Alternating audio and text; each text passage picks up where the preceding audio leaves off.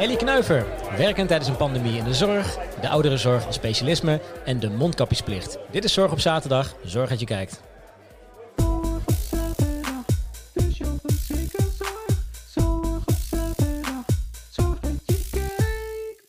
Ellie, welkom op deze uh, zonnige zaterdagmiddag. Dankjewel. Het is, uh, jij hebt volgens mij net een, uh, een weekje vakantie achter de rug, geloof ik, of niet? Dat klopt, inderdaad. Een weekje Zeeland. Kijk, dat is heel goed. Met mooi weer. Waarschijnlijk wel even een, een welverdiend weekje rust, of niet? Inderdaad. Ja. Daar was ik echt aan toe. ja. ja, lekker, lekker. Goed uitgerust? Ik ben goed uitgerust, zeker. Helemaal, ja. helemaal opgeladen om weer de, de volgende periode weer helemaal in te gaan. Ja. Ja, ja, ja, mooi. Hey, we, ja, we vallen maar gelijk met de deur in huis. Want uh, ja, we zitten in een, uh, in een pandemie. Hè? En uh, ja, hoe is het voor jou als zorgmedewerker om midden in zo'n pandemie te zitten? Ja, een beetje anders werken en meer nadenken. Of ja, je meer bewust zijn van een aantal zaken, zeg maar, met het werken in de zorg. Ja. Dat is het vooral. Want uh, even een beetje teruggaan naar het begin, uh, februari, januari, februari, toen uh, nou, de hele wereld begon een beetje te, te, te ja, te horen over het coronavirus. Hè. hoe is dat voor jou geweest als, als, als, als, als verzorgende, verzorgende IG'er? wat deed het met jou? Hoe, kom, hoe breekt dat nieuws jullie? Nou ja, je volgt in de eerste instantie het nieuws natuurlijk op de televisie en dan lijkt het nog een ver van mijn bedshow. Ja. En dan bij mij was het zo dat van de een op de andere dag uh, ik een telefoontje kreeg van mijn leidinggevende dat er een keuze gemaakt moest worden of je intern of extern werkte. En um, ja, dat is dan bij mij zo geweest, omdat ik een uh, dubbele baan heb. Ik werk voor veelal als nachtzuster en voor een organisatie. En ik werk uh, vast op contract intern op een kleinschalige woonvorm. Met mensen met, die dementie hebben. En uh, voor de rest word ik ingezet zet als thuiszorgmedewerker. Ook vaak in de nachtdienst. Dat is eigenlijk mijn vaste, vaste contract. Ook wel voor andere dingen. Maar goed, op die datum moest ik dus de keuze maken. Werk je binnen of buiten? Ja, dus dat betekende dan eigenlijk uh, of alleen maar uh, binnen de verpleeghuizen waar je werkte, of thuiszorg, zeg maar. Ja. Was, ja. Dat, was dat een moeilijke keuze? Of, uh? Ik vond het wel uh, heftig. En in de eerste instantie heb ik gezegd dat ik uh, even wilde nadenken. En um, dat is niet zonder tranen gegaan, want ik was er best wel shocked van. Dit is een hele bewuste keuze om uh, op twee verschillende plekken te werken. Of twee verschillende doelgroepen, zo kun je het ook zien. Ik heb bijna tien jaar op kleinschalig wonen gewerkt. Maar um, ja, daar zag ik heel weinig uitdaging nog. Dus toen heb ik uh, heel bewust een keuze gemaakt, uh, zo'n uh, 2,5, 3 jaar geleden, om dus ook de thuiszorg te gaan doen. En um, ja, daar maak je hele andere dingen mee. En een contract van 24 uur wordt dan in tweeën gesplitst, dus ik werk 12-12. Ja. En um, ja, dat geeft mij heel veel uitdaging. En dan de keuze maken. Ja, ja en waar, nog even, waarom heb je ervoor gekozen om nog wel de klein, kleinschalige zorg erbij te blijven doen? Niet volledig de thuiszorg? Nou, mijn passie ligt echt wel uh, bij uh, het verzorgen van mensen uh, die dementie hebben. Ja. En de woonvorm zoals ik die ervaren heb toen ik als IG'er in de opleiding ging. Ja, dat vind ik gewoon wel een bijzondere plek om te werken. Heel, heel veilig voor die mensen. En um, ja, je bent daar ook eigenlijk alles. Hè? Want in een dienst doe je alles. Je bent niet alleen de verzorgende die ze uit bed haalt en of naar bed brengt. Je bent ook de activiteitenbegeleider, maar je bent ook de kok. Ja, ja, ja. En uh, dus ja dat, uh, ja, dat vind ik nog steeds hartstikke leuk werk. Maar niet om uh, 24 of 28 uur in de week te doen. Ja, dat vond ik best wel zwaar. Ja, ja. zeker die keuze die je moest maken om dan uh, een van twee te kiezen. Uh, dat betekende ook dat als je, eh, want je hebt de, de, thuiszorg geloof ik dan even losgelaten. Nee. Of andersom het, juist. Ik heb juist gekozen om de thuiszorg te Juist voor de thuiszorg, ja, ja. ja. Maar dat betekent dus ook dat de mensen die je uh, intern uh, aan het helpen was, dat, dat je die mensen niet meer ging zien of niet meer ging, uh, ging spreken. Nee. Heb je eigenlijk een, als, als verzorgende een hele hechte band met mensen die je dagelijks ziet? Nou, dat, dat is dus heel verschillend. Want um, uh, als je op kleinschalig wonen eh, werkt met mensen met dementie, is het natuurlijk best wel lastig om een band te krijgen. En al helemaal als je alleen de nachtdiensten doet.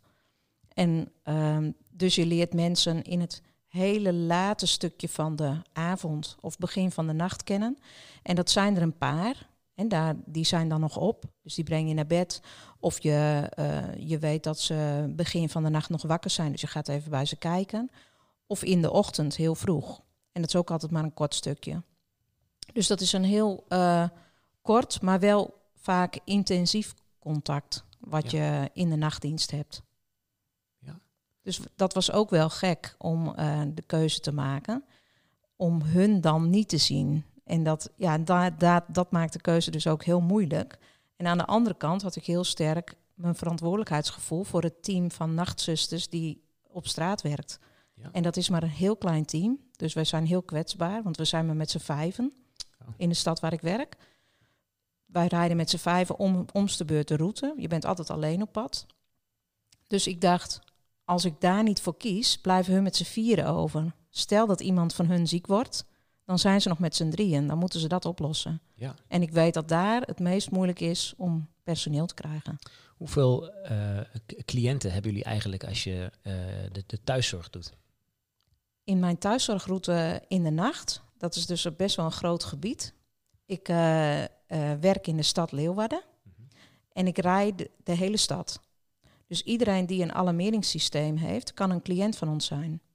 En die kan bellen en die kan voor ons uh, hulp van ons willen hebben. Va onze vaste route bestaat gemiddeld uit zo'n 20 stoppen. Wauw. Dus dat is ja, ook nog best veel. 20 stoppen voor één persoon? Ja, één, in één nacht ja. Uh, stop je 20 keer, zeg maar. Heb je 20, gemiddeld 20 adressen. Dat kunnen er 17 zijn, maar dat kunnen er ook 29 zijn. Ja, en als je, uh, want jullie werken dan s'avonds met uh, meerdere tegelijk? In de avonddienst wel, maar in ja. de nacht dus niet. Oké, okay, dan ben je echt alleen, zeg maar, die dan... In principe rijden wij de nachtroute alleen. En er is een specialistisch team op de achtergrond. Okay. Dus mocht er um, alarmering zijn waar meer specialisten nodig zijn, dan bel je hun. En dan komen hun naar je toe of je helpen. Ja. Sorry. Bij wat voor gevallen uh, uh, is er dan een specialist bij nodig? Even, even voor onze beeldvorm. Nou, bijvoorbeeld als iemand gealarmeerd heeft omdat hij gevallen is, dan kan het zijn dat je die persoon niet alleen van de grond kunt krijgen.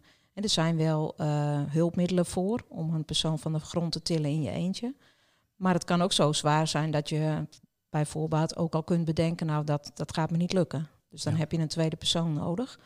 Maar het kan ook zijn uh, ja, dat uh, iemand zijn uh, katheter eruit heeft getrokken. En als het betreft een man, dan moeten wij iemand van het specialistisch team erbij halen. Want een IG'er doet die handeling niet.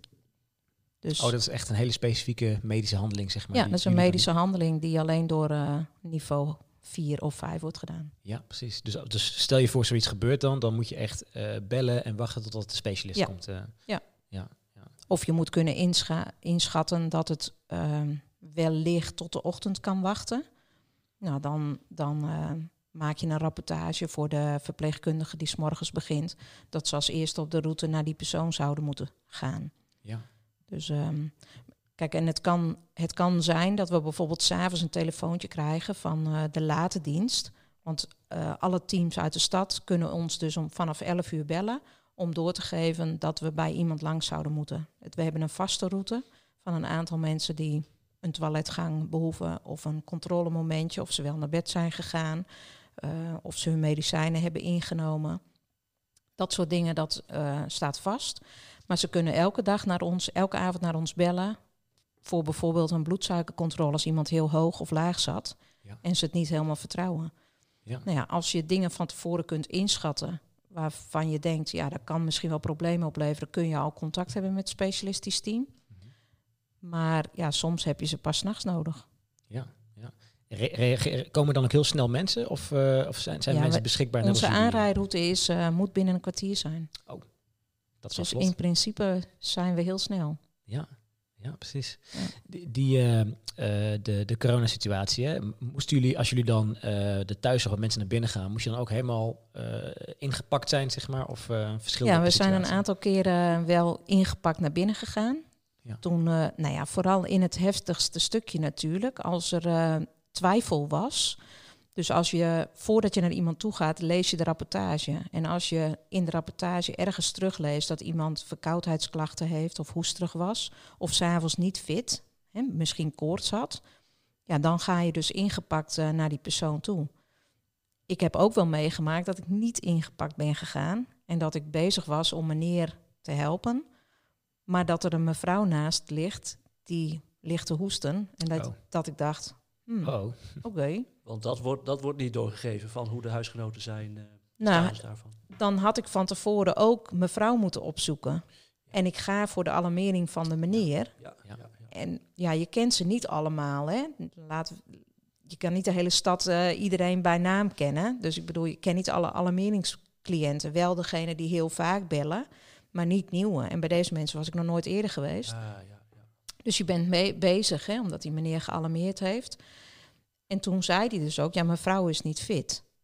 Maar toen zei hij zelf ook dat hij ook niet fit was.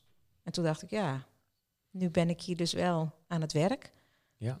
Maar ja, met een beetje gevoel van, ben ik wel beschermd genoeg geweest? Ja. Dus je gaat weer naar huis en ik heb dat in de rapportage gezet. En s'morgens uh, mijn collega van het specialistisch team gebeld van, nou ja, dit is mijn ervaring. Ik vind het wel een beetje twijfelgeval. Dus thuisgekomen al, alles uitgedaan, gedoucht. En ik ben apart gaan slapen. Ik dacht, ik ga maar niet in mijn eigen bed, ik ga op de logeerkamer. Om ervoor te zorgen dat ik dan in ieder geval niet direct mijn man en kinderen besmet. Ja. Maar ja, dat is wel ja, best wel een dingetje geweest. Vooral in die eerste periode wist je zo, was er zoveel onduidelijkheid waar je nou precies op moest letten. Dat je het bij iedereen bijna wel dacht. Dus nou ja, heel bewust ben ik apart gaan liggen. En toen werd ik s'avonds gebeld dat ja, ook een collega heel erg twijfelde. Dus uh, dat die meneer uh, naar het ziekenhuis werd gebracht voor een test. Want die was hij echt dus helemaal niet fit. Ja. Nou ja, dan ga je wel je volgende nacht in met het gevoel van, ja, en nu dan? Je moest dus wel uh, de volgende nacht weer een ronde maken langs, uh, langs ja, zeker. Ja, en zeker in de eerste periode werd gewoon van ons verwacht dat we wel bleven werken. Ja. Mijn man is zelfs heel ziek geweest. Oh. En ondanks het bellen naar de dokterswacht en het vertellen dat hij hoge koorts had, zei ze: Maar u moet wel aan het werk. Dat, dus, is, uh, dat, dat, dat moet heel uh, vreemd gevoel hebben waarschijnlijk. Dat is heel lastig. Want je bent, vooral in het begin was het best wel angstig of je iemand zou kunnen besmetten. Dus die avond heb ik ook uh, mijn collega gebeld om te overleggen van, ja, wat is, het, wat is wijs? Wat doen we? Want ik heb ook drie cliënten die al aan de zuurstof liggen thuis. Die zijn heel kwetsbaar. Ik wil niet degene zijn die ze besmet heeft. Ja, precies. Dus uh, hebben we overleg gehad en heeft zij gezegd: Ik ga daarheen en jij doet de anderen. En als je enigszins denkt: Dit is niet vertrouwd, dan bel je mij en dan verdelen we de route of gaan we het anders doen. Dus de samenwerking onderling is echt wel uh, fantastisch wat dat betreft. Ja. Wat, wat, gaat er uh, in, in zo'n periode door je heen? Hè? De, vooral uh, de, de, de, beginperiode en de piekperiode, er was natuurlijk ontzettend veel onduidelijkheid over. Um, um, ja, je, je, komt bij mensen, misschien kom je toch in een situatie zoals jou ook gebeurd is, hè, dat je toch denkt van, hm, zou ik het nou wel of niet gekregen hebben, of, of, geef ik het misschien door? Wat, wat gaat er in zo'n situatie door je heen? Ja, een beetje ehm, ja, het, het, ik wil niet zeggen dat het echt angst is, maar wel uh, een, um, ja, een gevoel van uh, je bent je heel erg bewust van alles. En uh, het geeft je ja, een beetje onheimig van ja, doe ik het wel goed? Is het wel oké? Besmet ik niet een ander of neem ik het niet mee? Je wilt het pertinent niet thuis hebben, want je wilt je eigen kinderen ook en kleinkinderen ook beschermen voor alles. Ja.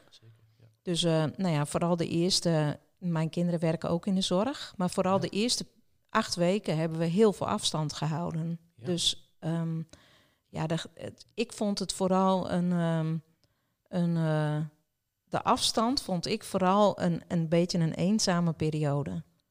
Dat heb ik vooral uh, wel in het begin erg ervaren. En op een gegeven moment, ja, merk je dus dat iedereen wel weer een beetje versoepelt daarin. In je achterhoofd blijf je dat natuurlijk constant uh, wel houden. Nou, en dan bereik je de grens van uh, 1 juli. En dan wordt er gezegd, we mogen weer overal werken. Dus ademhalen. En ja, uh, ja, nou ja, uh, je mag gewoon weer terug. En dan is het fijn om te merken dat je collega's blij zijn dat je weer terug bent. En iedereen daar gezond is gebleven, er niks gebeurd is. Dus dat, is, dat geeft een heel goed gevoel. Ja, en dan nu opnieuw.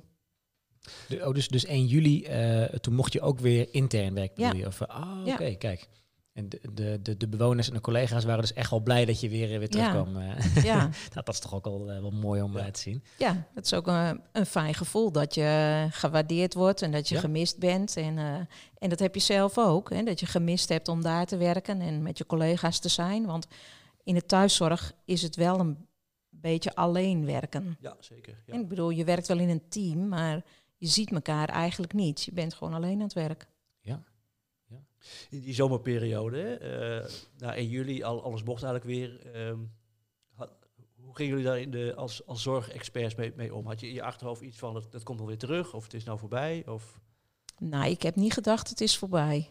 Nee, nee. Ik denk dat ik heb het idee dat iedereen wel wist van um, het gaat straks nog wel een keertje terugkomen. Zeker als we allemaal weer binnen zijn.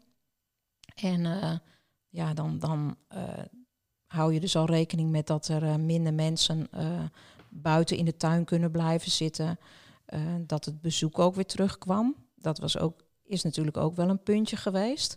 En dat gun je iedereen. Dat, ik bedoel, dat was iets wat ik vanaf dag één vond. Dat ja, de verpleeghuizen en verzorgingstehuizen dicht doen, vond ik echt nou, helemaal niet kunnen eigenlijk. Ja.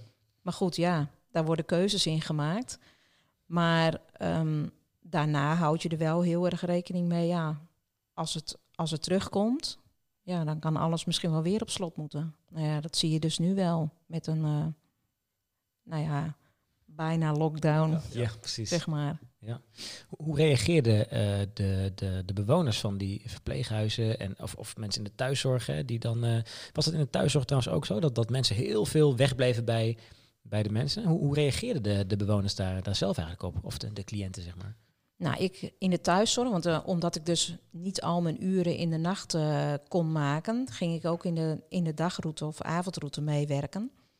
En um, ja, ik heb echt wel schrijnende dingen meegemaakt. En mensen horen zeggen, ik heb al zes weken niemand gezien, alleen jullie. En nou, dat, dat vond ik echt wel heel erg verdrietig ook. Hè. Ik bedoel, ik heb echt wel bij iemand gezeten, langer de tijd gemaakt om er even te zitten. Om uh, ja, het, het, verhaal te horen. En ik, ik heb bij een man gezeten die zei: Dit is bijna nog erger dan de oorlog.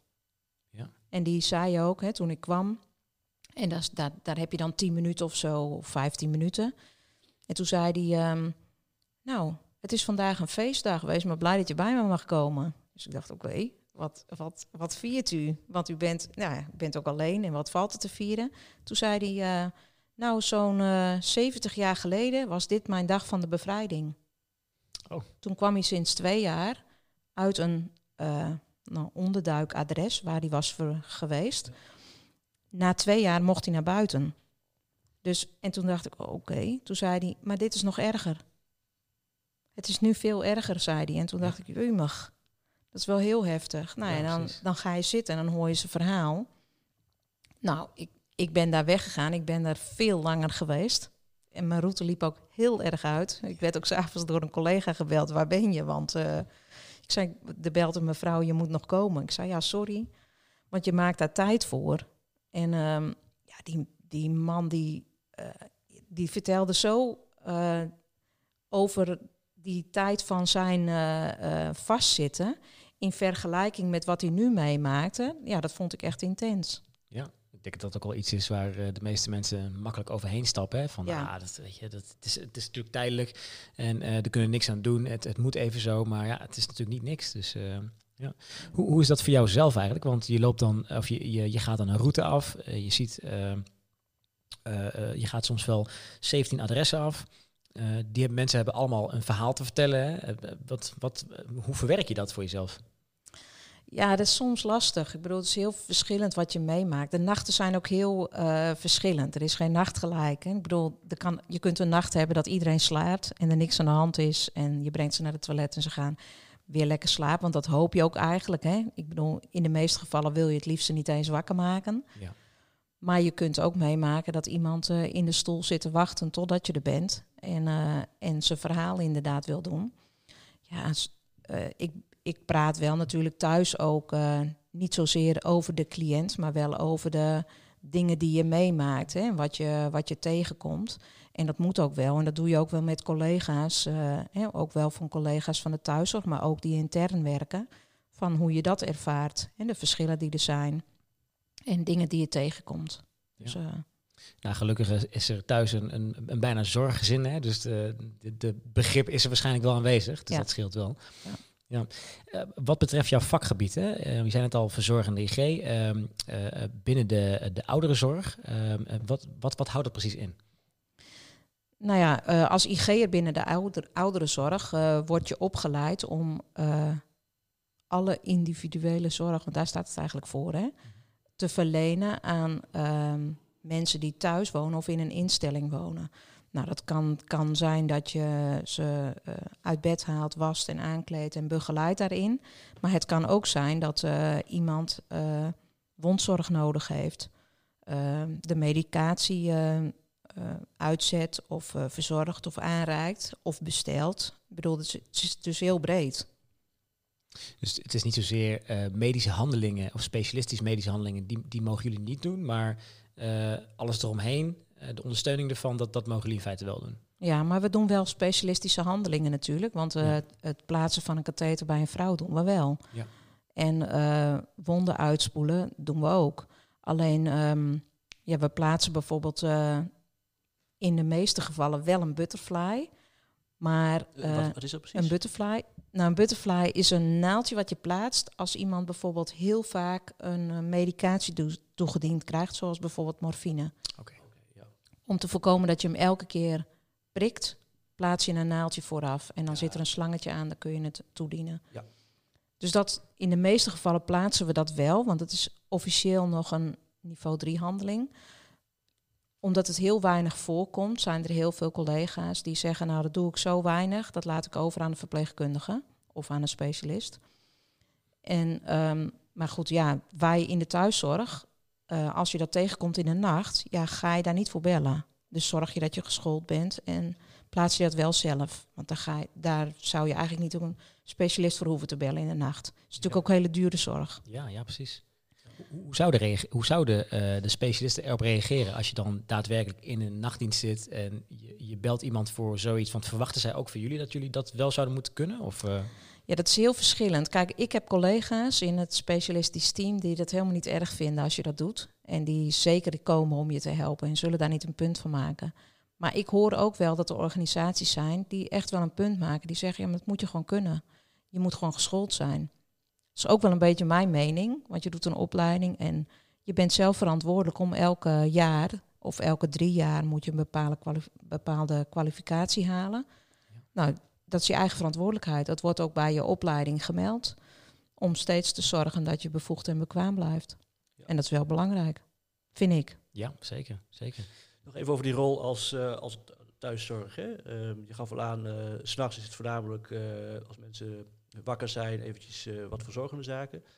Maar het is overdag ook vooral uh, fysieke zorg. Hè? Dus het, het, geestelijke zorg valt daar niet onder. Hè? Wat je aangaf, er is niet echt genoeg tijd om een praatje te maken en zo. Nee, dat is inderdaad, ja, dat schiet er wel vaak bij in. Hè? Je ja. komt, uh, er wordt geïndiceerd dat bijvoorbeeld iemand gedoucht wordt en zijn kousen aankrijgt. Ja, dan moet je in dat moment van douchen proberen om dat gesprekje ook te doen. Ja. Maar ja, daar, wordt, daar wordt niet echt een indicatie op gegeven. En dan, dan ja, moet er andere zorg worden aangevraagd. En natuurlijk heb je wel, uh, kom je echt wel bij gevallen waar de uh, wijkverpleegkundige een beetje inschatting heeft gemaakt van nou die mevrouw heeft echt nog wel wat meer aandacht nodig. Dus dan is de indicatie vaak wat ruimer aangevraagd onder het mom van uh, helpen met bijvoorbeeld het eten klaarmaken. Hè. Dan, dan help je ook of ondersteun je van nou even het boterhammetje klaarmaken hè, met het ontbijt. of in een middagtijdstip. en dan, ga, dan, dan moet die indicatie er wel zijn. Ja. Dan moet je dat wel een beetje in datzelfde moment proppen. En dat is een beetje mijn voordeel in de nacht. Ja. Dat ik, ehm, ja, mijn cliënten zitten niet strak op elkaar gepland. Ja, precies. Dus er is eigenlijk altijd wel tijd. Dat is ook de keuze die ik heb gemaakt. Ah, Daarom ben ja, ik ook nachtzuster. Ja, Ja, precies. Want het geeft je wel veel ruimte om met iemand te praten. En dat is intern zo, in de verpleeg- en verzorgingstehuizen. Maar dat is ook extern zo. Ja. Ja. Dus als het gaat over werkdruk, zeg ik dus ook heel vaak, ja, die ervaar ik niet. Ja, want sorry, want wat dat betreft heb je het wel een stuk relaxter, omdat je inderdaad gewoon meer tijd hebt om ook wat rustiger met eh, de, wat aandacht te kunnen geven aan de mensen. Ja. Eh, dus het is waarschijnlijk minder rennen en vliegen voor jou in de nachtdienst dan dat eh, de, de mensen die in de dagdienst hebben. Dat, eh, ja, Ja. precies. Ja, Ja. ja. Hoe combineer je nou zo'n nachtdienst eh, met, met het gezinsleven? Kijk, omdat je natuurlijk in je eentje bent en bijvoorbeeld een... eh, dan kun je nog wel lekker in de nacht bezig zijn. Maar Ja. als je ook nog overdag een gezin hebt, dan kan ik Ja. me voorstellen dat... eh, Nou ja, is. ja bij, ik heb best wel een groot gezin. Ik heb vijf kinderen. Die wonen niet allemaal meer thuis. Ik heb inmiddels ook eh, kleinkinderen. Ehm, ja, ze weten allemaal wel een beetje hoe mijn schema eruit ziet. En ja, in de laatste periode heb ik iets meer gewerkt als dat, dat ze gewend zijn. Dus dan was het best wel lastig. Dus daarom was die vakantie ook wel zeer, zeer welkom.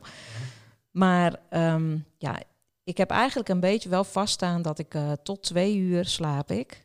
En daarna ben ik beschikbaar voor ze. Ja. Nou, dan weten ze ook dat eh, als mijn telefoon aan is, dan neem ik hem wel op.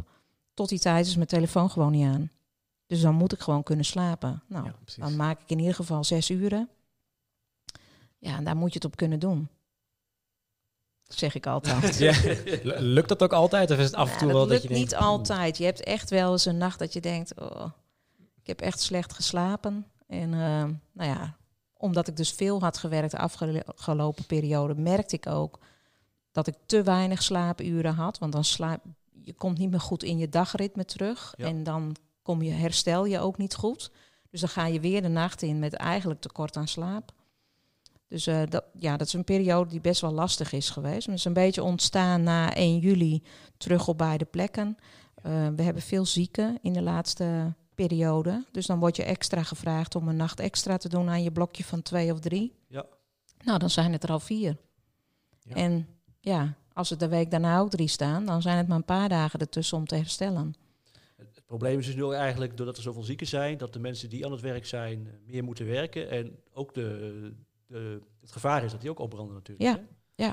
Ik denk wel dat we nu een beetje in die, eh, in de, ja, daar tussen zitten. Hè. Nu, mensen mogen niet werken als ze echt klachten hebben. Dan wacht je dus op een test. Nou, dat duurt één of twee dagen. In die tijd moet er wel iemand die dienst opvangen. En als het een collega van de nacht is, dan word ik al snel gevraagd om een extra nacht te doen. Wat logisch is. Ja. Want als ik uitval, vragen ze dat aan anderen. Nou zitten we hier natuurlijk niet om het, eh, het grote probleem op te lossen. Maar, maar hoe kijken jullie daar zelf eh, tegenaan de komende maanden? Want eh, voor mij zit er een groot probleem aan te komen. Hè? Ja, ik denk het wel. Ik, ik, eh, ja, ik kijk er niet zo heel erg tegenaan. Ik heb echt zoiets van, ja, het, ik kan het niet oplossen. Ja. Nee, nee, inderdaad. Dus, eh, en ja, collega's onder elkaar zeggen we ook wel vaak, ja, dat is wel een beetje een organisatieprobleem. En ik begrijp ook wel dat de organisatie ze niet kan toveren. Nee. Dus dat is een beetje, eh, beetje een ding. Wat, ja, wat voor ons niet zo 1, 2, 3 op te lossen is. Ik denk wel dat er eh, misschien wel gekeken moet worden naar grotere contracten. In de zorg is het heel normaal dat iedereen 24 of 28, 28 is echt wel max. Er zijn maar een paar verpleegkundigen, denk ik, die 32 werken.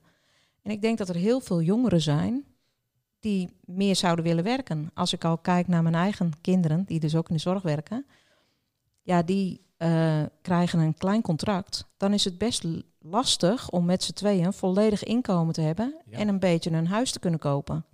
Zit daar, eh, meer in algemene vorm, zit daar een bepaalde gedachtegang achter dat een contracten worden gegeven die niet groter zijn dan bijvoorbeeld 28 uur? Om ziekte te vervangen. Oh, zo. Als iemand ziek wordt, moet je eh, iemand dus ook voor eh, 36 uur vervangen, zeg maar. Ja, precies. En dat is natuurlijk best wel lastig. Als je op kantoor werkt, mijn man zit op kantoor, als je daar een paar dagen uitvalt, ja, dan blijft er een stapel papieren liggen. Diegene hoef je niet vaak niet direct te vervangen. Misschien voor ad hoc een paar dingen die, die lopen. Hè, dat je iets op moet pakken met telefoontjes of zo. Maar die papieren, die rapporten, die dingen blijven wel liggen. Ja. Maar mensen hebben zorg nodig. Ja, precies. Ja, en, en jullie hebben natuurlijk ook je, je, het, het gevoel van verantwoordelijkheid. Hè? Dus je zal nooit zeggen van, nou, nee. Nee, Dat ik denk dat dat eh, bij heel veel mensen in de zorg, zorgmedewerkers, zo is. Je, ja, je gaat toch. En ik denk Ja. dat dat nu al wel gebleken is. Hè, dat eh, in de ziekenhuizen, maar ook in de verzorgingstehuizen, heeft iedereen natuurlijk over de top gewerkt. Die dagen, die moet je op een gegeven moment ook weer een beetje kunnen opnemen. Daar moet ook ruimte voor zijn. Maar als het heel lang gaat duren met veel zieke medewerkers, ja, dan wordt het heel lastig. Oh, want dat is eigenlijk ook wat we bij een van de voorgaande gesprekken zagen. Dat eh, zeggen we ook aan van, eh, ja, we zijn nog niet hersteld van de, de vorige periode. En er komt weer, weer een zware periode aan. Hè? Dus dat, Ja. nogmaals, wij hebben hier aan tafel niet de oplossing. Maar het, ja, het is wel iets eh, waar, Ja. waar ik ook niet van weet van, nou, hoe, ga- hoe gaat het dan? Hè?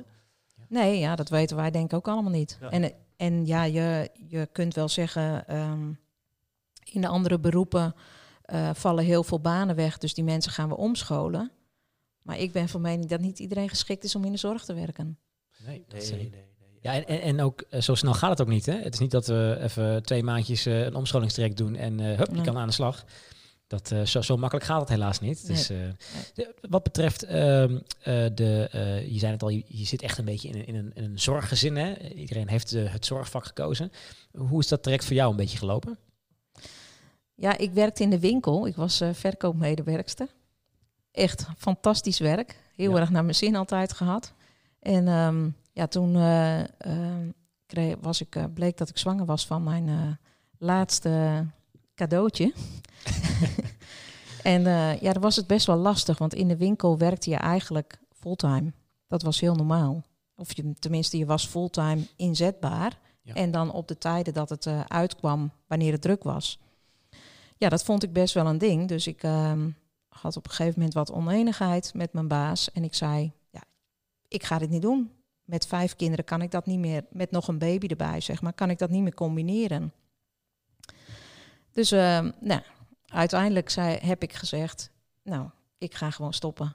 Ik stop met werken en ik zie wel. Ik vind het overigens al heel wat dat je met, met vier kinderen eh voltijd in een, in een winkel werkte. En, en jouw man die werkte er ook gewoon voltijd naast. Of, eh, nou, dat vind ik ook wel heel wat. Dus, eh, Ja, we hebben altijd wel eh, veel proberen te verdelen. Dus hij kon, hij, hij kon ook gemakkelijk thuiswerken toen al. Dus eh, daarin wel wat verdeling gezocht. Maar goed, met opnieuw een baby erbij. De kinderen waren al, al ondertussen al wat groter, onze andere vier. Want de jongste was toen al acht. Nou ja, met opnieuw weer een baby erbij. Ik dacht, ja, dat, dat gaat niet lukken. Ik weet niet hoe ik dat hebben moet. Je kunt niet van die anderen na school vragen dat ze ook nog op een baby gaan eh, letten. Ze konden met elkaar zich wel aardig redden. Ja. Dus, ehm, nou ja, ik heb gewoon gezegd, ik ja, ik stop ermee, ik ga wat anders doen. En eh, ik ben eerst eh, thuis geweest, heb wat opgepast voor eh, vriendinnen en voor anderen. En een beetje de gasthouder spelen. daar waren zij waarschijnlijk ook ontzettend blij mee. Daar waren ze heel blij Dus, mee. Dat, en toen ja, werd onze jongste, die werd wat ouder. En ik dacht, ja, nu wil ik toch wel weer kijken, wat ga ik dan doen? In de tussentijd heb ik, was mijn moeder ziek. Die heb ik een poosje verzorgd. Heeft niet lang geduurd. Maar ehm, toen heeft wel een beetje, dat heeft wel een beetje getriggerd dat ik merkte, de zorg vind ik wel heel leuk. Mijn moeder was verpleegkundige. En ik dacht vroeger altijd, want toen ik heel jong was, ging ik met haar mee naar, eh, naar het verpleeghuis waar ze werkte. En dacht ik al, dat ga ik van zo lang zal ze leven niet doen. Ja. Dus toen mijn moeder ziek was en eh, op een afdeling lag en mijn zus op bezoek kwam, zei ze, haar gebit is eruit. Ik zei, ja, dat heb ik gedaan. Nee, zei ze. Getver. Ja, en ik dacht, ja, iemand moet het doen, toch? En daar merkte ik dus, eigenlijk vind ik dit wel heel erg leuk. Dus Ja. misschien vind ik toch wel het wel leuk om in de zorg te werken. Ja. Nou ja, om daarin te komen en eh, eh, ja, een beetje te kijken van wat moet ik daarvoor doen. eh, ben ik in een eh, verzorgingstehuis eh, gaan solliciteren om in de keuken-restaurant te werken. En daar kon ik meehelpen in de facilitaire dienst. En daar werd al heel snel duidelijk, nou, ik kon dan ook wel, als ik dan toch eh, bezig was in het huis, die mevrouw wel even haar kousen aandoen. En eh, dus we hadden heel snel in de gaten, nou, eigenlijk is ze wel geschikt. Ze Ja. kan ook wel als helpende eh, een opleiding doen. Ja. Nou ja, zo ben ik een beetje als assistent in de zorg mee gaan werken. En, uh, en toen al een beetje de thuiszorg in. Dat als er iemand uh, onverwachts uh, uitviel, dan werd ik de thuiszorg ingestuurd om iemand te douchen of kousen aan te trekken ja. of een pilletje aan te reiken. Nou, en toen zei die baas, die leidinggevende, jij bent hartstikke geschikt, dus er wordt een nieuwe woonvorm gebouwd. Ja. En je moet meedraaien in die pilot. En dan uh, bieden we je een opleiding aan. En zo ben ik verzorgende IG geworden. Ja, super. Dus je bent Toen echt, ik 40 was. Eigenlijk echt uh, op je veertigste helemaal opnieuw begonnen eigenlijk. Ja. En, en onderaan begonnen en ja. zo langzamerhand doorgegroeid. Ja. Dat is toch wel een, een, een, een, mooi traject, zeg maar. Ja, zeker. ja. Heeft je moeder nog meegekregen dat je deze keuze wilde nee. maken? Nee, okay. nou, ik weet wel zeker dat ze dat wel weet hoor. Ja, Oké. Okay. ja.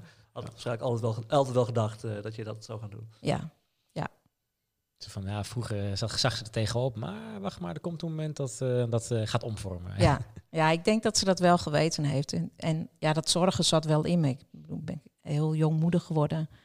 En uh, ik kom best goed voor mijn kinderen. Ja, ja, ja. ja, ja, super. Hey, tijdens jouw startende zorgcarrière, wat, wat, wat zijn dingen waar je tegenaan liep? Zijn er ook, of, of is er iets wat je heel erg is bijgebleven van die tijd tot nu toe? Ja, wat ik wel best wel heel lastig vond. Dat ik zag dat, nou, ik werkte dus op een woonvorm, dat iedereen het heel druk had. En um, de, ik werkte samen met vrouwen die net zo oud waren als mij, die al 20 of 25 jaar in het vak zaten. En ja, ik had natuurlijk best wel respect voor ze, want ik dacht ik moet het van hun leren. Maar ik vond het ook best wel lastig om de leerling te zijn, om stagiaire te zijn. Want ik merkte ook dat uh, ja, sommigen vonden het best wel moeilijk om uh, een ander iets aan te leren. En je eigen kunstje aanleren is dan wel uh, misschien wel makkelijk, of het overnemen, zeg maar. Maar um, openstaan voor nieuwe dingen is, was voor hun best wel lastig. Want twintig jaar hetzelfde doen en dan in een, nou en toen was het echt wel net opkomen dat die kleinschalige woonvormen uh, er kwamen. En dat is eigenlijk een beetje wonen zoals je thuis gewend was, maar dan in een woonvorm hè, bij elkaar. En dat is dan zes of acht mensen in één huiskamer. Maar die wonen wel gewoon in hun eigen appartement. Dus die zijn ook gewend hun eigen ding te doen. En de dames die, waar ik mee werkte kwamen uit het verpleeghuis. Ja, dat was gewoon s morgens gaan, wassen, aankleden en uh, doorgaan zodat iedereen zijn eten op tijd heeft en we in ieder geval tien uur aan de koffie zitten. Het was bijna alsof het een, een, een, een soort van geoliede machine die maar moest gaan. Uh. Ja, en dan, dan ja, ben je de leerling. En dan, ja, ik was natuurlijk net zo oud als hun, ook 40, zo om en nabij. En sommigen waren iets ouder, sommigen waren wat jonger. En dan zei je van ja, maar ik leer op school dat je heel erg moet kijken naar de eigen regie van die cliënt. Nou, dat was een ding wat heel erg speelde, ja, eigen, eigen regie. regie. Wat is dat? ja. Dus ja, om, om dat om te gooien, dat, was, dat vond ik echt wel lastig in het begin. Maar, maar zij moesten eigenlijk ook leren, hè? want voor hun was het nieuw. Deze, ja, deze voor hun was het ook nieuw. En ja. ik kreeg dat natuurlijk gewoon zo voorgeschoteld. En ja, je, wij waren heel erg gericht op wat wil die cliënt zelf en hoe is hij dat gewend en hoe maak je nou dat diegene zich daar het prettigst bij voelt. Ja. Dus daar zijn hele cursussen op bedacht ja. om iedereen daarin mee te krijgen. Maar ik vond het best wel lastig om daar tegenaan te lopen. Maar volgens mij maakt het het werk ook een stuk makkelijker als je de cliënt, uh, als, je, als je alleen maar mee hoeft te bewegen in plaats van dat, dat, dat sjorren aan iemand, zeg maar. Dat klopt. Uh, dus je, je was zo als beginnende uh, verzorgende, was je eigenlijk, ja, je, was, je had eigenlijk een soort van de, de stagiaire rol. Maar dan is het inderdaad best wel lastig om tegen de ervaren mensen te zeggen van, volgens mij uh, doen jullie dit niet goed, uh, dames. Nee, nee. nou, dat maakt het inderdaad lastig. Ja, hoe werkte de dynamiek op een gegeven moment? Uh, jij had jouw aanpak en zij hadden hun oude aanpak nog. zagen ze ja. op een gegeven moment dat het voor jou werkte? Of?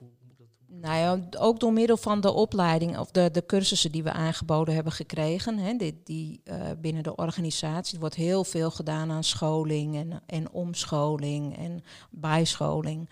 En juist daarin merkte je van, oh ja, dat zeggen die nieuwe leerlingen inderdaad ook. Dat we daar naar moeten kijken. Ja. En ja, voor hun was het natuurlijk ook een beetje uitproberen en wennen van dat ga je op een andere manier doen. Dus hoe, hoe ga je daarmee om? Ja. En ja, sommige, voor sommigen werkt het echt. Maar ik heb ook wel gemerkt dat, uh, dat er collega's waren die zeiden... ja, ik wil dit niet. Ik ga, ik ga hier niet blijven. ik ga niet dat kleinschalige gedoe. Dat, uh, nee, dit ga ik niet doen. Ja. Ja, het is natuurlijk best wel lastig, om, want, want ja, zorgverlenen is eigenlijk een soort van gedrag. Hè? En, en als je al twintig jaar lang gedrag op een bepaalde manier uh, vertoont, is dat natuurlijk heel lastig om dat in één keer zo overnight te veranderen. Ja. ja. Dus, dus ja, ik kan me ook wel voorstellen dat het voor die mensen ook al ingewikkeld is. Uh, maar levert dat ook op de, op de werkvloer, zeg maar, tussen jullie allemaal, levert dat er bepaalde spanningen op of viel dat nog wat overzien? Het, ja, het is wel eens voorgekomen. Ik heb echt wel eens uh, geclashed met iemand. echt. Ja.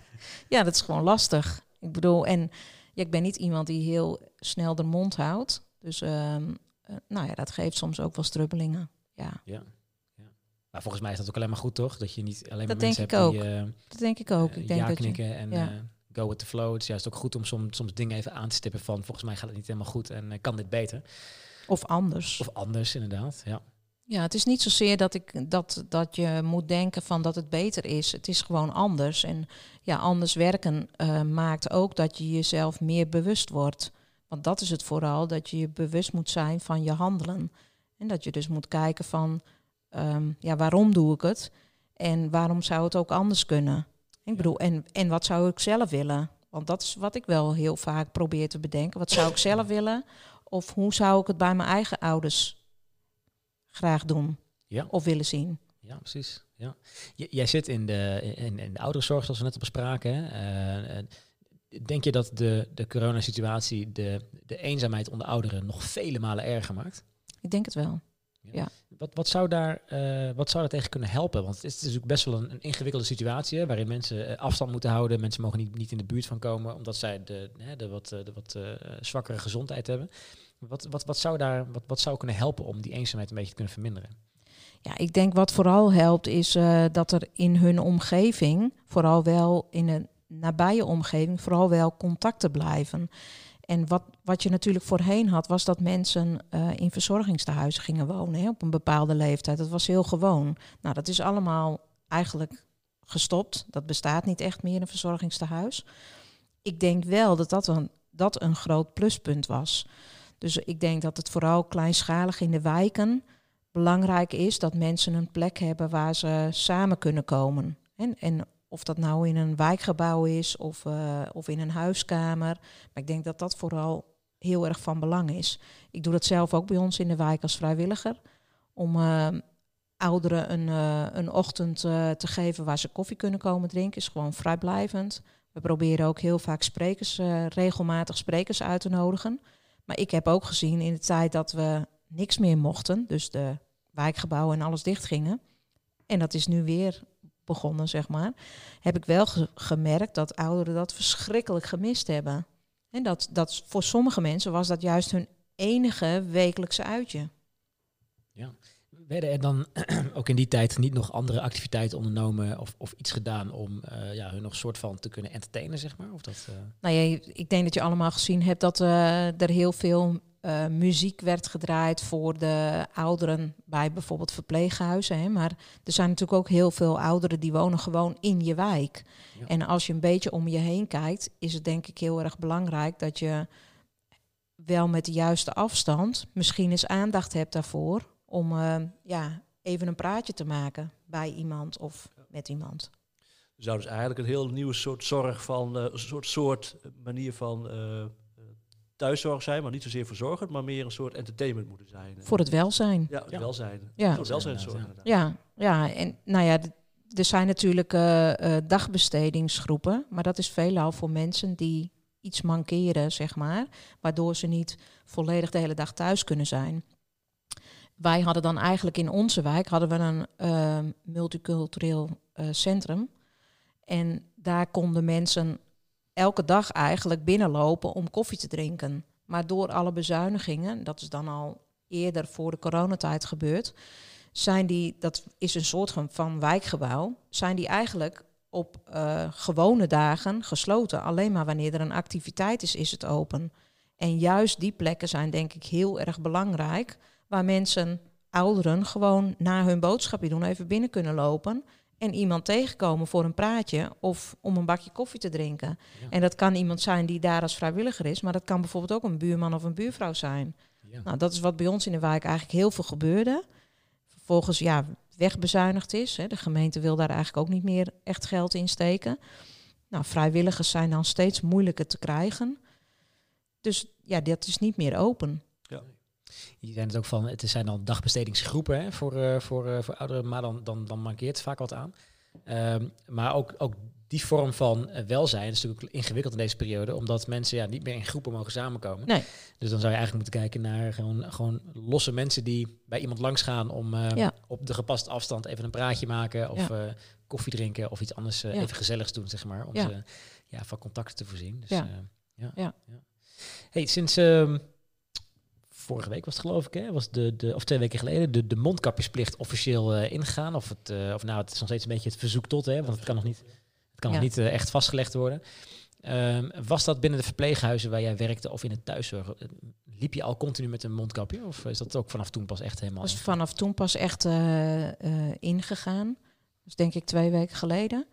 Toen werd er uh, verzocht om uh, tijdens je werk, als je in de nabijheid bent van de bewoners, draag je een mondkapje. En dat gaat alleen af als je een moment hebt uh, waar je los van de bewoners bent en op afstand van je collega's een eet- of een drinkmoment inlast. Dan doe je hem af. En anders heb je hem de hele dienst op moet wel ook wel voor jou ook wel lastig zijn, want jij hebt een bril. Dus dan, uh, ik heb normaal gesproken ook een bril, maar ik heb nu lens in. Ik, liep laatst de supermarkt in met een mondkapje op en nou, dat ding beslaat gewoon gelijk. Dus ja. ik, uh, het is wel, wel lastig, zeg maar. Dus, het is echt wel lastig, inderdaad. Uh, je bril beslaat. En nou, ik kan redelijk lang goed overdag zonder bril op afstand, maar lezen helemaal niet. Ja. Dus ja, voor elke handeling of uh, medicatielijst of iets wat ik maar lees, ja, heb ik sowieso mijn bril nodig. Dus dat is echt wel lastig, ja. ja. Maar los van het feit dat het lastig is voor mij, vind ik dat het ook erg lastig is voor de mensen die je komt verzorgen. Want, want uh, is, het, is het dan omdat ze jou, ook jouw gezicht niet meer zien en dat het een stukje onpersoonlijker wordt of zo? Ja, uh, ja. ja ik, ik heb echt wel reacties teruggekregen dat uh, um, mensen het echt heel erg naar vinden dat je een mondkapje op hebt. En um, uh, ja, zo erg zelfs dat mijn vrouw tegen mij zegt, ga alsjeblieft maar weg. Want uh, ja, sinds dat jullie dat doen, zie ik helemaal geen gezichten. Ik herken jullie niet, ik weet niet wie er met me praat. Ja. En daar was ze gewoon echt verdrietig over. En had ze ook wel wat woorden meegekregen met de dochter bijvoorbeeld. Die had gezegd, ja, moet niet zo moeilijk doen, want hun, ja, zij moeten dat die vrouw wilde gewoon dat we niet meer in haar kamer kwamen. Zet het maar neer daar, zet maar neer dat eten. En uh, je hoeft niet meer met te praten, versta je toch niet? Ja. ja. Nou, dat, dat vind ik wel echt verdrietig. Ja, aan de andere kant is misschien dat je, dat zo iemand, ook weer, dat je zo iemand ook weer besmet. Hè? Dus het is heel moeilijk om hier altijd die balans in te vinden. Ja, dus, ja.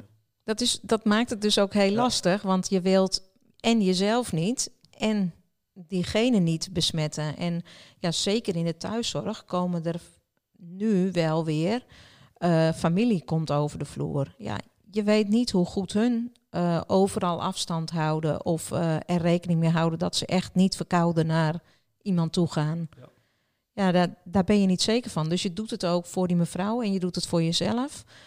Dus ja, het, het is echt heel erg lastig. En die mevrouw zei tegen mij dan, ga maar even zitten, want als je zit mag je het afdoen. Weet je wel. En ik dacht, ja, maar dat is dus niet de afspraak in de zorg. Hè. Dat is wel in openbare uh, ruimtes, schijnt dat te mogen, dat je dan uh, het, het mondkapje weer afdoet. En dat zie je dus ook op tv. Hè. Ik bedoel, bij, bij alle televisieprogramma's, maar ook als uh, je de EU ziet vergaderen, dat wanneer ze zitten mag het mondkapje af. Maar ja, dat is bij ons in de zorg dus niet zo. Als wij, als de mensen aan tafel gaan eten, blijven wij ons mondkapje ophouden. Want we zijn aan het zorgverlenen. Ja.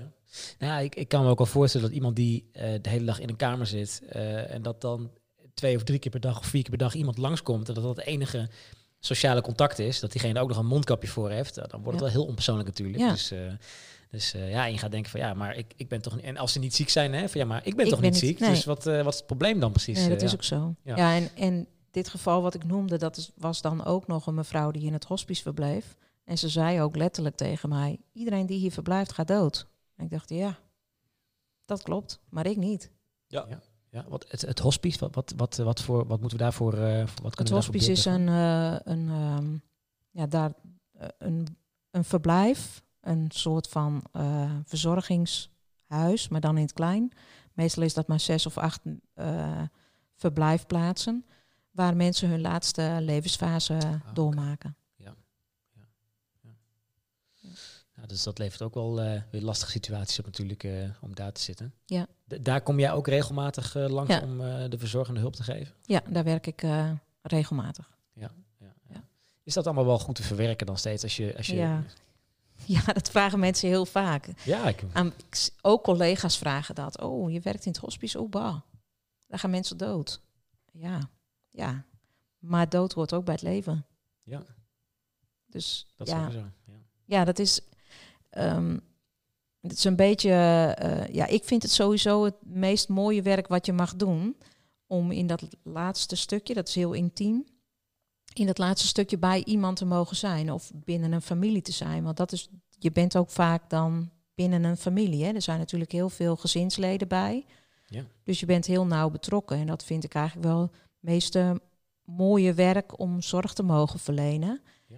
En ja, wij, degene die bij ons in het hospice werken, wij, wij werken met heel veel vrijwilligers die dat ook met hart en ziel doen. Wij zeggen altijd, ja, in het hospice ga je niet alleen dood, daar vier, vier je ook het leven. Ja, zeker. Ja, ja. Dus daar maak je nog mooie herinneringen voor iedereen, voor die persoon zelf, maar ook voor alle mensen eromheen. Dus ja, het is, het is niet alleen eng. Nee, nee. Eigenlijk, eigenlijk is het dan een hele mooie plek om juist te werken. Ja, dat vind ik wel. Een, eh, een, hele fijne, fijne sfeer is en een mooie omgang met uh, de anderen is. En dus ook heel veel tijd en rust. Ja, ja ook dat. om aan iemand te geven. Dus dat zijn wel heel erg bewuste keuzes die ik maak. De, de, de, de mondkapjesplicht, hè? hoe reageerden jouw jouw andere collega's of, of de, de andere mensen in de zorg waarmee je samenwerkt, hoe reageerden die er eigenlijk op? ja, er is heel veel verdeeldheid. Hè. De een zegt van ja, nee, natuurlijk moeten we dat doen. En dat geeft heel veel veiligheid, een veilig gevoel. Maar er zijn ook heel veel mensen die ook zeggen van ja, dat is, dit is niet oké. Ik bedoel, die, als je werkt met mensen met dementie, die moeten het heel erg hebben van je mimiek in je gezicht. Hè. Sommigen kunnen zelf bijna niet eens praten. Maar die moeten heel erg aan jouw gezicht zien. Uh, ja, wat gaat er gebeuren? Wat gaat ze doen? Of uh, maakt ze een grapje? Lacht ze? Of als je dat niet ziet door het mondkapje, ja, dat is natuurlijk vreselijk. Dat geeft heel veel, uh, een heel afstandelijk gevoel voor hun. En ik denk dat collega's die in die zorg, in die, bij die doelgroep werken, dat ook heel erg ervaren. In de, in de thuiszorg zal het wel wat minder zijn, maar daar ja, hebben de mensen wel zorg nodig. En soms zijn ze ook wel heel erg ziek. Maar er zijn ook mensen die uh, ja, een kort momentje zorg nodig hebben of hulp bij douchen. En die vinden het niet zo erg dat jij dat mondkapje op hebt. Ja, ja precies. Als jij, uh, stel je voor, jij zou het voor het zeggen hebben in, in de zorgsector, uh, van, vanuit jouw, uh, jouw vakgebied, zeg maar. Ehm, we moeten niet vergeten dat er heel veel dingen goed gaan. het, het leeuwendeel gaat goed natuurlijk. Maar van dingen die iets minder goed gaan, wat, wat zou je zeggen van wat, wat beter zou kunnen of wat anders zou kunnen? Ja, vooral wat, wat zou anders kunnen? Nou, iets wat, waar ik van denk dat wel anders zou kunnen, is het medicijnverbruik.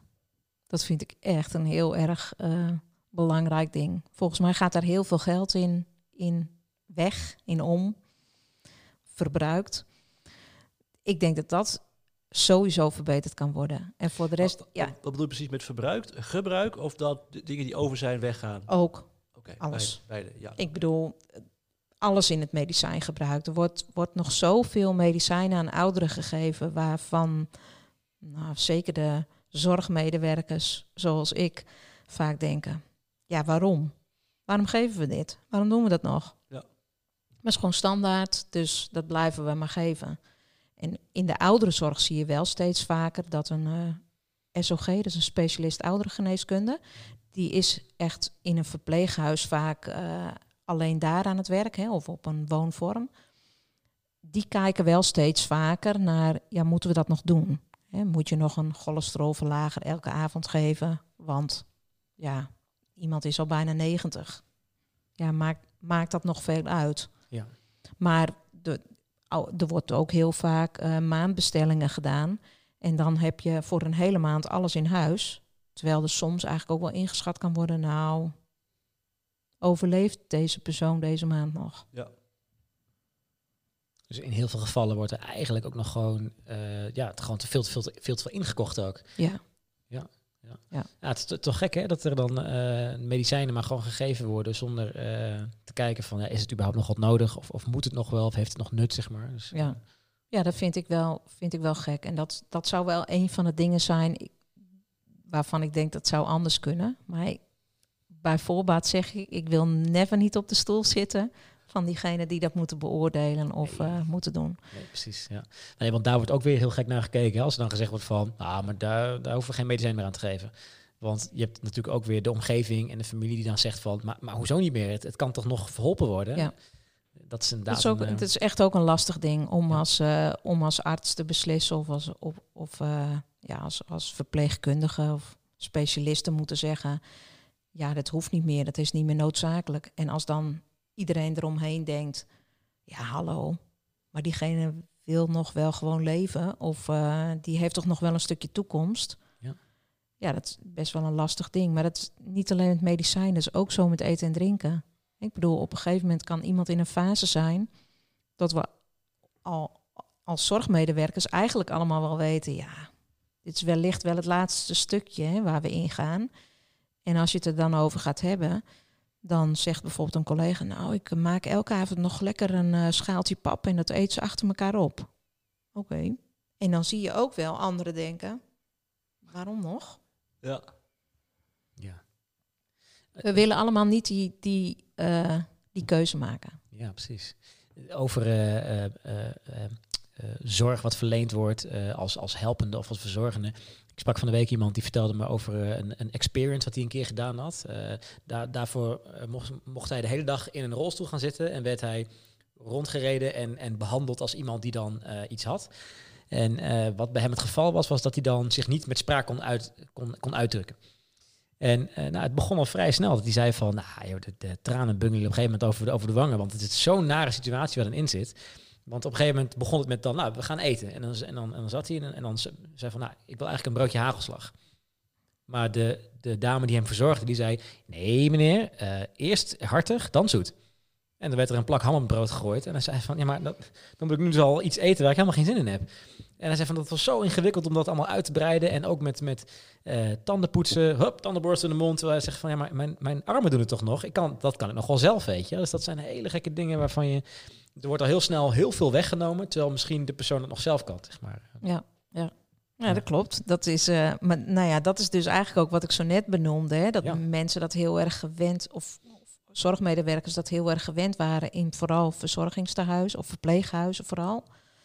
En um, ja, ik heb echt wel in het begin uh, mijn ogen uitgekeken dat ik echt soms ook wel tegenkwam dat iemand inderdaad uh, alle bordjes van zes personen neerzette en alvast een boterham met jam. Want iedereen kreeg s morgens een boterham met jam. Ja. En dat ik dacht, oké, okay, lust diegene ja, was jam. Precies, wat als iemand helemaal geen zin in heeft. ja. ja. ik hou niet zo van jam. Ja. nou, als ik dat elke dag krijg als ik 80 ben, ja. Ja, daar word je niet blij van. Nee. En stel dat je gewoon die ochtend zin hebt in heel wat anders. Als je wel elke ochtend jam wil, maar je wil nu een keer wat anders ja, ik ben wel gewend om, om het te vragen. Maar het is dus ook heel lastig als je een cliënt hebt die het ook niet kan zeggen, zoals die persoon dan ervaren heeft. Ik heb ook wel een keer zo'n experience gedaan, dat je uh, in een lift wordt uh, gehangen om te laten voelen van uh, hoe word je naar bed gebracht vanuit je rolstoel naar...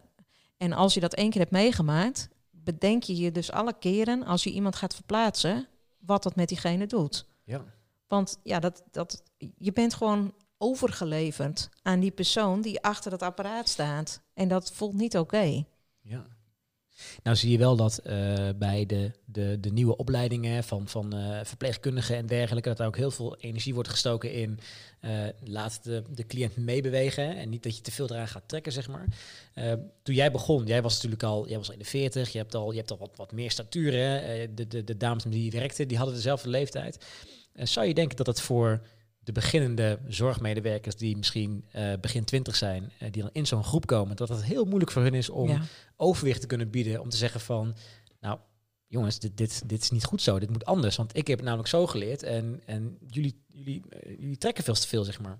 Ja, ik denk dat dat echt heel erg moeilijk is voor jonge zorgmedewerkers. Nou, mijn dochter is natuurlijk ook heel jong begonnen. Ja. En die liep daar ook tegenaan. En die is nog wel jong, want ze is, nog geen dertig. dus eh, die zegt ook van ja, ik heb echt wel collega's die dat nog hebben. En die nog eh, ja, aan iemand trekken of sjorren. En, en dan ook wel denken van diegene kan nog best wel staan. Terwijl, nou ja, ik ben wat later uh, in de opleiding gekomen.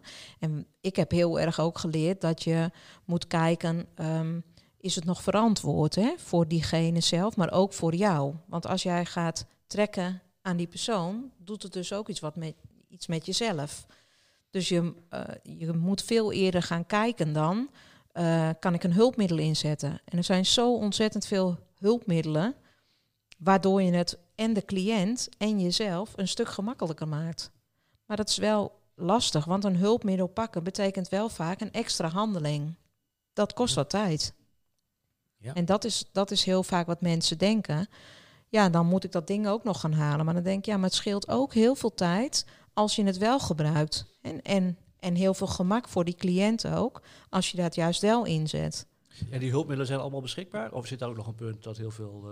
Nou, eigenlijk zijn op alle locaties waar ik dan kom, en ik kom best vaak op andere locaties, zijn alle hulpmiddelen wel beschikbaar en anders wel heel snel via een hulpmiddelencentrum inzetbaar.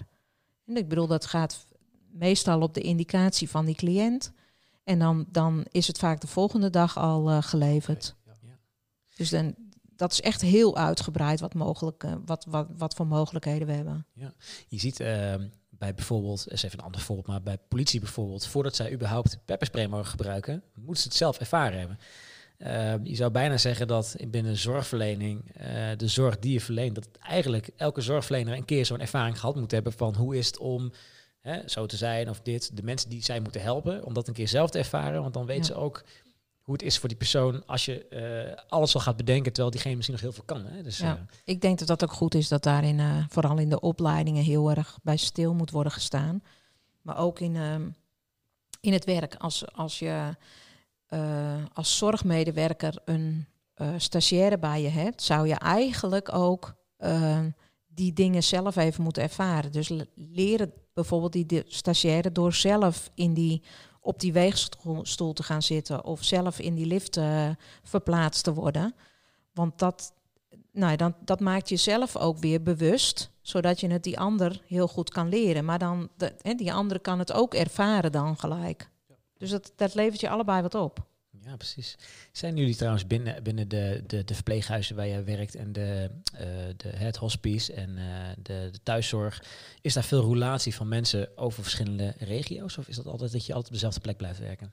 Ja, de mensen werken meestal op dezelfde plek. Ja, nou, dat heeft natuurlijk ook te maken met de, de want het waren ook veel ouderen met dementie, geloof ik. Ja. Hè? Die, dan, die moeten wel dezelfde mensen blijven zien. Nou ja, ze, ze willen heel graag, graag continuïteit hè, van uh, mensen die daar werken. Dus dat, is, dat blijft wel vaak hetzelfde. En er is, je maakt wel gebruik van een uh, uitzendbureau. En dat zijn, ze proberen ook wel zoveel mogelijk dezelfde mensen in te zetten op een locatie of in de thuiszorg. Hè. Als, als in de thuiszorg willen mensen ook niet graag heel veel verschillende uh, medewerkers. Dus dat is wel vaak uit één team, uit één wijk. Hè. Of, of bijvoorbeeld twee teams die in dezelfde wijk uh, um, zijn. Maar goed, ja, ik val heel vaak in op andere locaties voor dat uitzendbureau dus, wat wel intern is. Maar um, ja, daardoor krijg je wel een gezicht binnen de organisatie. Dus de meeste ja. collega's kennen je wel en of herkennen je wel. Ja. Dus dan, maar ik kan me wel voorstellen dat, uh, dat wanneer je op een woongroep woont en er werken tien verschillende uh, medewerkers, dat je er niet uh, elke week vijf anderen wilt hebben te lopen. Nee, precies. Nee, nee. Maar het zal ook voor jouw eigen ervaring ook goed zijn hè? om steeds andere afdelingen te zien, om weer andere mensen te zien, andere collega's, om ook uh, ja, het ja. een beetje fris te houden. Hè? Dus, uh... Ik denk dat het wel goed is dat, um, uh, dat we er naartoe gaan dat mensen geen 20, 25 jaar op dezelfde locatie blijven. En dat is wel heel erg gewoon binnen de zorg. Dat mensen, vooral in de verpleeghuizen was dat heel normaal, hè, dat mensen 20, 25 jaar blijven zitten. Ik ben van mening dat je elke 5, 6 jaar moet je zou je moeten verplaatsen voor jezelf ook. En dat, ja. ja. ik heb dat tot nu toe eigenlijk altijd gedaan. Ja. Dus, uh, en ik ben ook eigenlijk wel van plan dat te blijven doen. Want dat geeft een stukje uitdaging. Kijk, nu werk ik uh, al best wel veel jaren als uh, nachtzuster. Maar ik denk dat het ook goed is om dat weer anders te gaan doen. Weet je, om ander werk te ervaren. Of op een andere plek. Ja. Ehm, je hebt eigenlijk qua werkdruk, is het bij jou best wel op een normaal niveau hè, als nachtzuster zijnde. Uh, je roleert ook nog eens best wel binnen de eigen organisatie best wel wat. Uh, vaak is dat juist de overweging om voor mensen zelfstandig te worden. Hè? Binnen de zorg te zeggen van ja, ik heb het meer onder controle van mezelf, ik heb het meer zelf in de hand. Uh, maar voor jou is dat helemaal niet nodig volgens mij. Eh. Nee, maar dat is ook een beetje, ik denk misschien wel mijn mazzel binnen de organisatie. Dat ze weten dat ik wel flexibel ben en ze kennen me ondertussen wel. En ik kan ook zelf wel heel, uh, heel goed keuzes uh, aangeven waarnaar geluisterd wordt. Hè, bij het inzetbureau ook, nou, dus een aantal jaren terug aangegeven. Ik in het hospice werken vind is best wel iets wat ik zou willen. Dus nou, dan word je daarvoor opgeleid. En dan mag je daarin meedraaien in een pool. Want het, het hospice draait eigenlijk op vrijwilligers. Dus je draait in een soort van pool mee. Dus je bent er met regelmaat, maar niet, hoeft niet elke week te zijn. En, maar hun weten bijvoorbeeld ook dat ik het wel leuk vind om uh, buiten de stad een keertje ergens uh, voor een andere organisatie uh, een week of een maand te werken. Ja. Als, daar het, als het daar nodig is. Nou, dat, ja, ja, ik vind die afwisseling, en, en dat vind ik ook wel een beetje een uitdaging. Ja, ja. afwisseling en uitdaging. Ja. Is het belangrijkste om het leuk te houden. Hè? Ja, dat denk ik wel. Ja, ja. Lijkt me ook een hele mooie afsluiter hè, voor het gesprek met jou. Ik zou zeggen, uh, dank je wel voor uh, het, uh, het openhartige gesprek en de informatie die je ons gegeven hebt over nou, de verpleeghuizen, hè, coronasituatie, mondkapjes nou, en de mooie zienswijze op het werk in de zorg. Oké, okay, graag gedaan. Dank